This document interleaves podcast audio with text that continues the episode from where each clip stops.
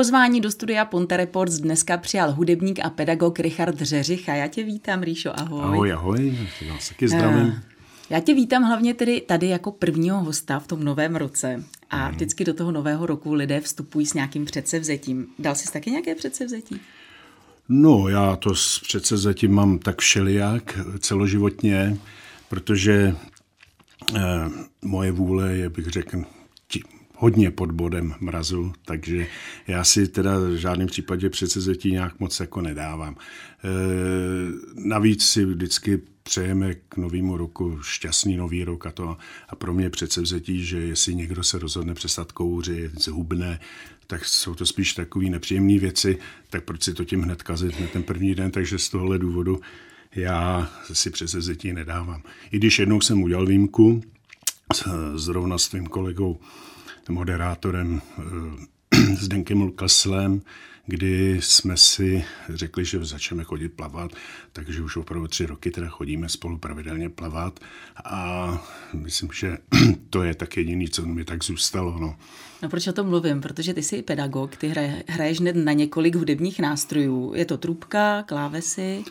Zpěv, No, co ještě tam? No, tady no a spousta lidí vstupuje do toho nového roku, mimo jiné také třeba s tím, že se naučí hrát na nějaký hudební hmm. nástroj. Eh, je to vůbec možné naučit se, prostě, že teď se rozhodnu, že budu hrát na hudební nástroj, eh, bez ohledu na to, jestli mám hudební sluch, jestli umím noty, můžu se naučit hrát určitě, na hudební nástroj? Určitě, jako Samozřejmě eh, bez toho eh, talentu tak, takzvaného, eh, když je někdo úplně hluchý a i falešně mluví, tak těžko se asi naučí zpívat samozřejmě. Ale každopádně tyhle ty lidi v tom starším věku, který se rozhodnou, že třeba z nějakého hecu, ze sásky nebo, nebo i z volného času rozhodnou, že by se chtěli třeba naučit hrát na trumpetu, tak ty já ve své podstatě jako obdivuju, protože je to kus odvahy. No a za jak dlouho jsem schopná naučit se hrát na hudební nástroj? To, to jako nejde úplně takhle jako říct. Jo. Samozřejmě je nástroj a nástroj, takže když přijde mi pán, kterýho jsem taky už samozřejmě měl ve své třídě, v pokročilém věku, že se chce naučit na klávesy, tak takový ten základ, eh, aby si prostě zahrál ze zpěvníku nějakou písničku, tak ty klávesy umožňují poměrně rychlou, eh, jako učební metodou tu písničku zahrát. Ale samozřejmě třeba hra na dechový nástroj, což tam teď mám taky jedno, jednoho mýho už můžu říct teď kamaráda, eh, velice chytrýho pána, doktora, tak tímto Jaruška zdravím, tak ten teda opravdu někdy tak před těma deseti lety, on už to tak bude, tak přišel, že by se chtěl naučit hrát na trumpetu. Byl zhruba tak v mém věku, tak nějak těch 55. A musím říct, že takhle plného žáka jsem už dlouho jako teda neměl. A když se teda bavíme o té hře na trubku, co tam je nejdůležitější? Já, mám totiž, já jsem to zkoušela, já jsem měla strašný problém vůbec vyloudit jakýkoliv zvuk. No tak samozřejmě, no tak prvotní je teda vůbec takzvaný nátisk, eh, ten systém do toho nátrubku, jak vpravit vlastně ty rty, jak rozvibrovat ty rty, jak to tím pádem přenést do toho nástroje. To je takový ten první impuls a z toho nástroje vyleze nějaký libovolný tón. No, pak se to samozřejmě uhlazuje, osekává různě, prostě jsou na to samozřejmě dlouho, dlouholetý eh, cvičební prostě pomůcky a, a potom samozřejmě buď se to podaří, nebo nepodaří. No. Hra na trubku asi není ale úplně ten top, co, co lidé vyhledávají. Nebo jo? Jak, jak je no, zájem o hru na trubku dneska?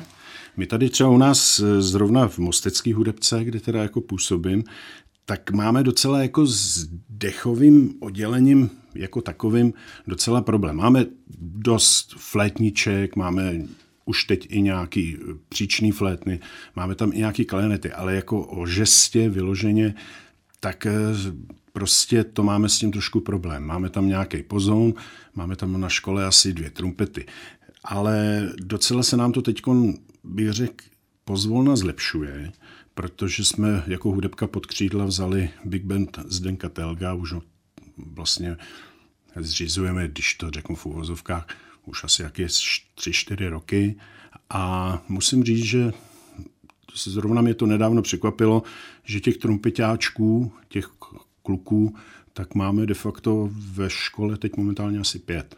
A je dost pedagogů na žesťové nástroje? Jo, to jo. Mě třeba překvapilo, že saxofon není žesťový nástroj. No není, no, ten patří do těch dřevěných. A hraje? Taky tady někdo vyučuje hru? Na... Určitě, určitě, máme tam šikovnou paní učitelku. A... Teď mě ještě napadá to takové moje osobní záležitosti, ale uh, tak třeba co se týče houslí, že jo, tak jsou tak jako stradivárky. A je něco takového třeba mezi eh, těmi eh, žesťovými nástroji? Když si třeba budu chtít Jako myslíš jako pořídit, jako ve značce? Jako? No, jako jestli budu chtít pořídit opravdu nějakou top trubku, tak... Uh...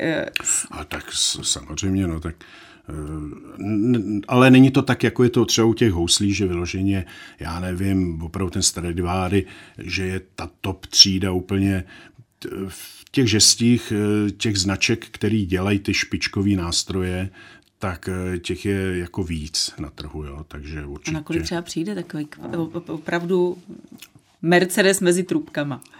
No, tak eh, to si myslím, že určitě půl milionu, možná i víc, to ani ani jsem to nezjišťoval, abych řekl pravdu, že takovou trumpetu bych si nikdy nekoupil asi, no ale... A aktivní hráč na trumpetu, stačí mu jedna trumpeta doma, nebo musí jich mít víc? Tak samozřejmě stačí, ale většinou vlastně ta praxe je pak taková, že právě, že přijdeš do té hudebky, začneš s nějakou trumpetkou za, nevím, za 3-4 tisíce korun, v druhém cyklu toho studia třeba na té naší škole zjistíš, že už by bylo lepší teda koupit nějakou už za 15 tisíc korun.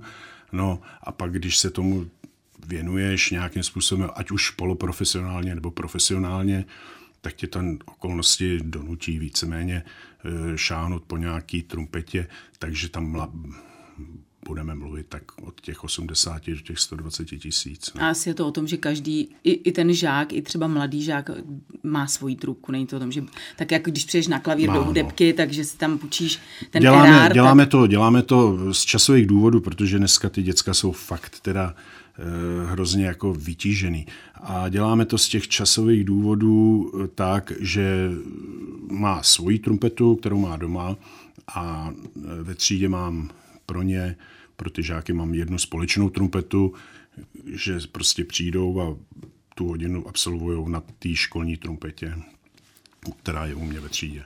My jsme zmiňovali i, že učíš zpěv, což si hmm. myslím, že asi eh, to je mnohem eh, takové, nechci říct perspektivnější, ale asi máš víc zájemců o zpěv, než třeba o hru na trubku.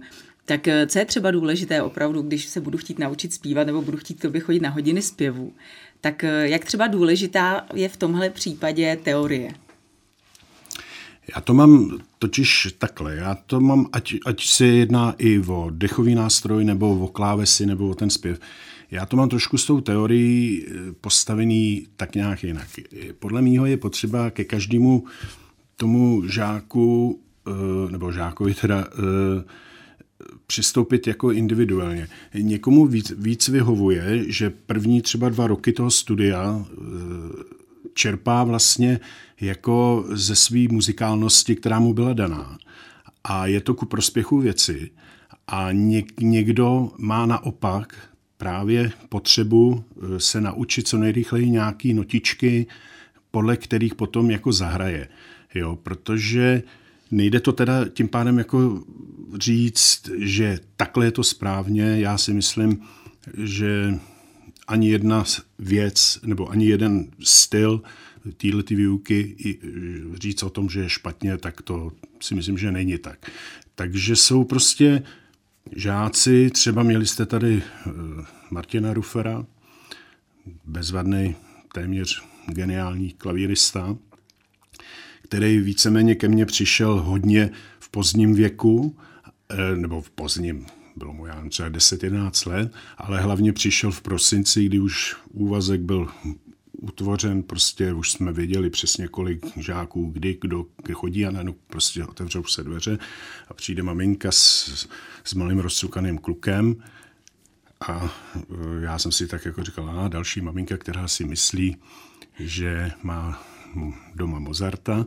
No nicméně, když už přišli, tak jsem si ho poslech a vlastně u něj ta muzikálnost byla tak okamžitě definovatelná, že eh, jsem si říkal, bože, já tohle kluka nemůžu přeci pustit, takže jsme se domluvili a vlastně my jsme víceméně čerpali z jeho muzikálnosti, protože on hrál, já nevím, Varhaní Sola, Van Halen, Deep Purple, jo, muzika, která mě taky baví samozřejmě, takže mě to bavilo o to víc. A vlastně jsme na ty noty tak jako trošku kašlali. Ale ono ho to pak stejně jako dožene. Jo, akorát, že ten postup je opačný.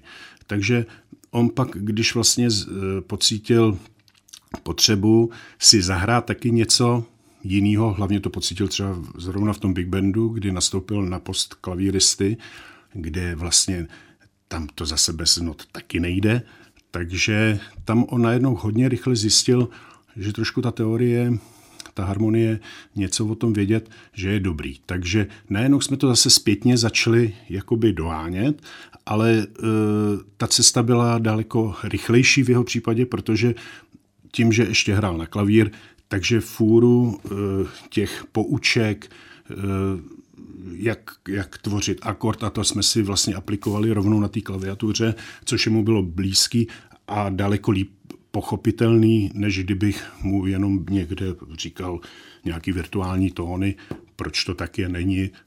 Takhle to na té klaviatuře on viděl. Takže on se k těm notám stejně dostal. Jo? A to je právě to, o čem mluvím, že eh, si nejsem jistý, která cesta je správná. V jeho případě podle mě jsme udělali dobře. Co ještě dalšího učíš eh, své žáky, bez ohledu na to, že je učíš noty a naučíš je hrát, co je ještě učíš tak nějak jako lidsky, aby si k tím přistupoval? Já je jako se snažím, protože já teda se musím přiznat, já jsem e, nikdy ani jako žák neměl nějakou přehnanou velkou trému. Jo, ale nemůžu říct, že jsem byl suverénní. Já se totiž ani nepovažuji za nějakého obr hráče nebo e, zpěváka, už vůbec ne. E, já spíš patřím k těm průměrným, e, ale mám jistou muzikálnost v sobě a tam je vždycky jako stačila, když to tak jako řeknu prostě jednoduše. Ale Eh, na co jsi se ptala? co ještě dalšího je učíš? Jo. Samozřejmě je důležitá ta teorie, ta praxe jako hudební, ale přeci jenom... Ale snažím se je, snažím se je vlastně e, zbavovat té trémy, protože přehnaná jakoby taková ta zodpovědnost kor u malého dítěte je vždycky na překážku. Eh, prostě když malá Anička, prostě osmiletá, eh, prostě zaspívá písničku a že tam padnou někde nějaký tóny vedle, je pro mě absolutně v téhle chvíli nepodstatný. A já eh, hlavně jdu potom, jestli je to milý, jestli to něco vůbec vypovědělo na toho posluchače, jo, a samozřejmě pak milé rád, i, i přes nějaký drobný intonační vady toho jejího výkonu, Eh, tak ji milé rád eh, prostě pochválím a vlastně tím jí dávám takovou jakoby eh, šanci, aby se ty trémy trošku jako zbavovala. Protože nic horšího, než vidět hrající dítě na jevišti totálně strémovanýho a to, to je špatně. No. No to už jsme tady zmínili, že ty tady působíš jako pedagog tady na základní umělecké škole FL Gasmana v Mostě co, jak momentálně, ještě tady chviličku zůstaneme, eh, začíná nám tedy nový i, nechci říct školní rok, ale po těch prázdninách se zase rozjíždíme, jsou, je spousta eh, zase omezení. Tak eh, v jakém režimu teď momentálně funguje tedy umělecká škola FL Gasmana? No, teď opět bohužel jsme se dostali zase do toho režimu distanční výuky. Umím si představit distančně vyučovat třeba dějepis. Říct, přeštěte si tady ten odstavec, udějte z toho výpisky, pošlete mi to dost dobře si neumím představit distanční výuku, třeba hry na, trubky, na trubku, když jsme se o tom teda teď jako bavili, protože prostě toho žáka musí člověk mít, jak se říká, pod rukama. Eh, takže je, jde to těžce, jde to těžce. Eh, vím, že řada kolegů, kolegyň eh, dochází i za dětma do, do rodin, rodiny posílají své děti k ním do rodin. Jo, já to praktikuju taky, tak prostě, že máme tady v nahrávacím studiu oddělenou eh, nahrávací místnost, kde ty děti jako po jednom samozřejmě eh, nějakým způsobem přes to sklo vyučuju. No a přijde mi to teda hodně lepší. No. Mám tu možnost, takže to já to praktikuju třeba zrovna tak, ale uh, už aby to bylo za námi. Eh, taky působíš tedy v Big Bandu Zdeňka Telga, to už jsme taky říkali, kde tedy hraješ té dechové sekci. Co ti to dává, to, že působíš v takovémhle obrovském tělesu? No, já jsem vlastně, eh, když to řeknu úplně v obráceně, já jsem vlastně takhle začínal. Já jsem někdy v šesti letech, mě táta eh, přived právě do této hudebky, ještě tenkrát lidové školy umění. A vlastně tam byl pan Telk, pedagog, můj učitel, který mě de facto už asi po ročním eh, hraní na hodinách prostě do podobného orchestru vlastně jakoby začlenil. Bylo nás tam samozřejmě daleko víc, byl to 40 člený prostě orchestr a takže já jsem vlastně v takovémhle tělese začal. Pak jsem se eh, během té mojí takový té hudební kariéry v úvozovkách tak jsem se překlenul přes různých rokový kapely, barový kapely, jo, a vlastně teď zase ke stáru eh, jsem se zase vlastně vrátil k těm kořenům, který jsem měl, takže já mám na ten big band jako takovej, tak mám samozřejmě prostě obrovskou, nebo mám z toho obrovskou radost, že tam můžu vůbec jako hrát a že mě tam vůbec jako trpí teda, jo. Diváci tě taky můžou výdat a hlavně tedy slýchat eh, v kapele Petr Kalandra Memory Band, kde hraješ na klávesi. Tady to je taková, já nevím, blues roková záležitost, hmm. bych řekla, takže je to úplně odlišný než tedy uh, od toho repertoáru, který hraješ v Big Bandu Zdenka Telga. Dá se říct, co je ti blížší? Nedá. Já to totiž, eh, ale já jsem to takhle, jako takhle, já to mám takhle celoživotně. Já nemám vyhraněný vyloženě eh, jako styl, že by někdo o sobě řekl, já jsem pouze rocker a to.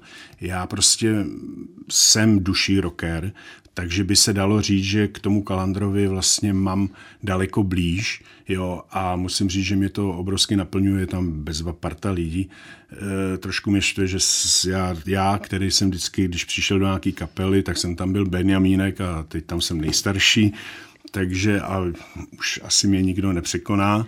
No, ale e, to mě teda tam naplňuje opravdu to, ale na druhou stranu zase ten Big Band, je to taky, taky pěkný, no to zase. A i třeba ty lidi, kterými se obklopuješ, je to taky zase, co ti třeba dává tedy konkrétně působení v kapele Petr Kalandra Memory Band? Já jsem vůbec jako celý život měl docela kliku na lidi, eh, s kterými jsem hrával. Nebo víceméně, že oni mě si vybrali. Jest, jo, protože já se necítím být e, nějakým frontmanem nějakého tělesa kapely.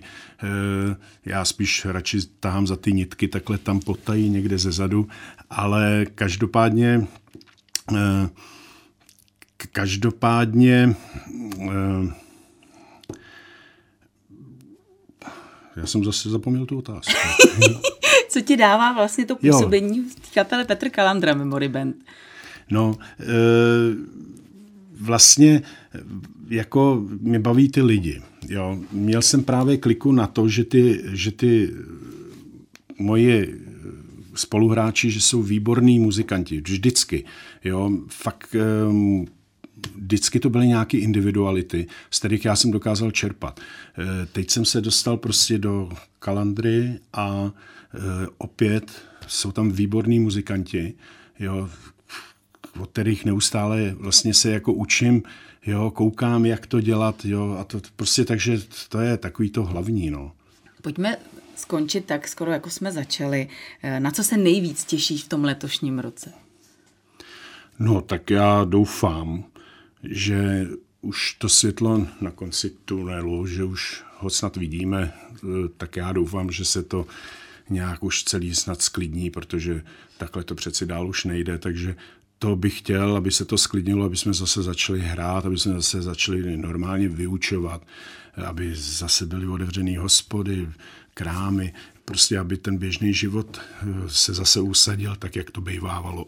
Ty jsi to zmínil, že už, eh, už abyste začali hrát, chybí ti to? Chybí to těm muzikantům, když se bavíte, protože skutečně pár koncertů jste tedy odehráli. Mm jak s Big, s Big Bandem, tak i s Kalandrovcema, ale přeci jenom nebylo to úplně asi tak, taková no, šňůra jako za normálních okolností. Určitě, no, tak vlastně Já za, za celých nějakých 30 let, co tak nějak eh, se pohybuju eh, po těch eh, koncertních nějakých štacích, tak jsem nezaznamenal, že bych měl takhle prázdný diář, jako mám vlastně na tenhle ten rok. Jo. To Nemáš třeba pocit obecně z celé té situace, že právě třeba ta kultura je strašně podceňovaná. Neukázala právě tohle, ta hmm. situace, že vlastně ta kultura se odsunula až na nějakou tu x kolej s tím, že lidi nepotřebují jo, něco takového, musíme je tedy, eh, musíme je nakrmit a takhle a že mám pocit, že jsme se vrátili hodně, hodně o desítky let zpátky, že ta muzika zkrátka a vůbec ta kultura, že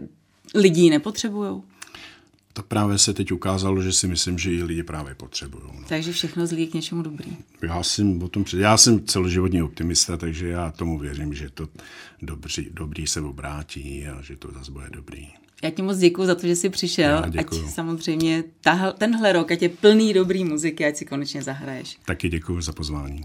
Mým dnešním hostem ve studiu Ponte Reports byl Richard Řeřicha.